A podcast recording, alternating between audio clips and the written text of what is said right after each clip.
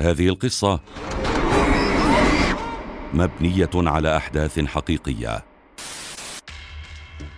الموقع غير محدد. العصابة شبكة إتجار بالبشر.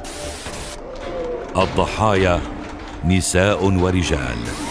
العملية تحسين النسل والتكاثر البشري والاستغلال.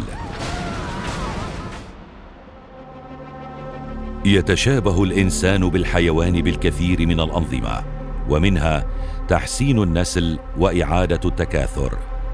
وكل عملية تختلف عن الأخرى بالخطوات المتبعة وبالأهداف المرجوة التحقيق.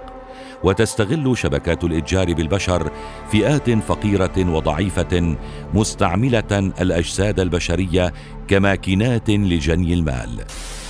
تحسين النسل وهو عبارة عن جمع امرأة ورجل بصفات جينية مميزة كي يتحسن الجنس البشري بحيث يختار الوالدين بصفات محددة وبحسب طلبات الزبائن الراغبين بتبني طفل بمواصفات معينة.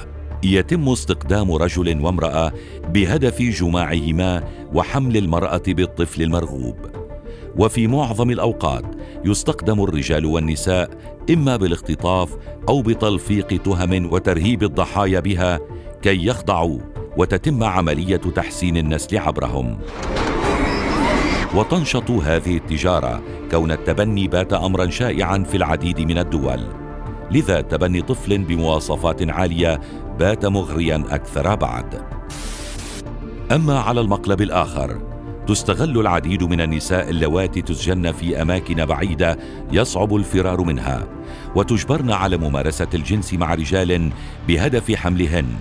فمنه تتم الاستفادة من تلك النسوة بالدعارة والاستغلال الجنسي ومنه تجبر النساء على مجامعة الرجال بلا استعمال واق ذكري ما يؤدي في أغلب الأحيان إلى الحمل الذي يستثمر أيضا على حساب صحة وحرية النساء.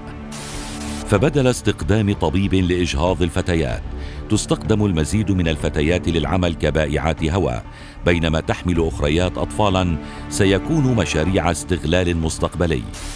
عند الولادة إما يعرض حديثو الولادة للبيع في المزادات البشرية وإما يتم تربيتهم حتى يبدأوا بالنمو. وفور نضوجهم يرسلون للتسول أو لزراعة المخدرات أو لأعمال قصرية غير شرعية فالأطفال قادرون على تنفيذ العديد من الأفعال الغير قانونية بلا إثارة الشبهات. ونوعي الاستغلال إما بتحسين النسل أو التكاثر البشري يدرون على أصحاب الشبكات بأموال هائلة. فالفتيات يرغمن على إعادة عملية التكاثر وعلى الطاعة والعمل في الاستغلال الجنسي. وبهذا التشعب من الأفعال المشينة والغير أخلاقية والتي تبعد كل البعد عن الإنسانية يبقى الضحايا أسرى مجرمين لا يعرفون الفرار منهم. قلة هم من نجوا من أيدي شبكات الإتجار البشرية وكثر من قتلوا. وبيعت أعضاؤهم في أسواق بيع وشراء الأعضاء البشرية. آخرين أقدموا على إنهاء حياتهم بأنفسهم وغيرهم بقوا خاضعين مجبرين على التأقلم مع حياتهم الجديدة ومع العمل الذي فرض عليهم. والضمائر إن وجدت فلا تتحرك.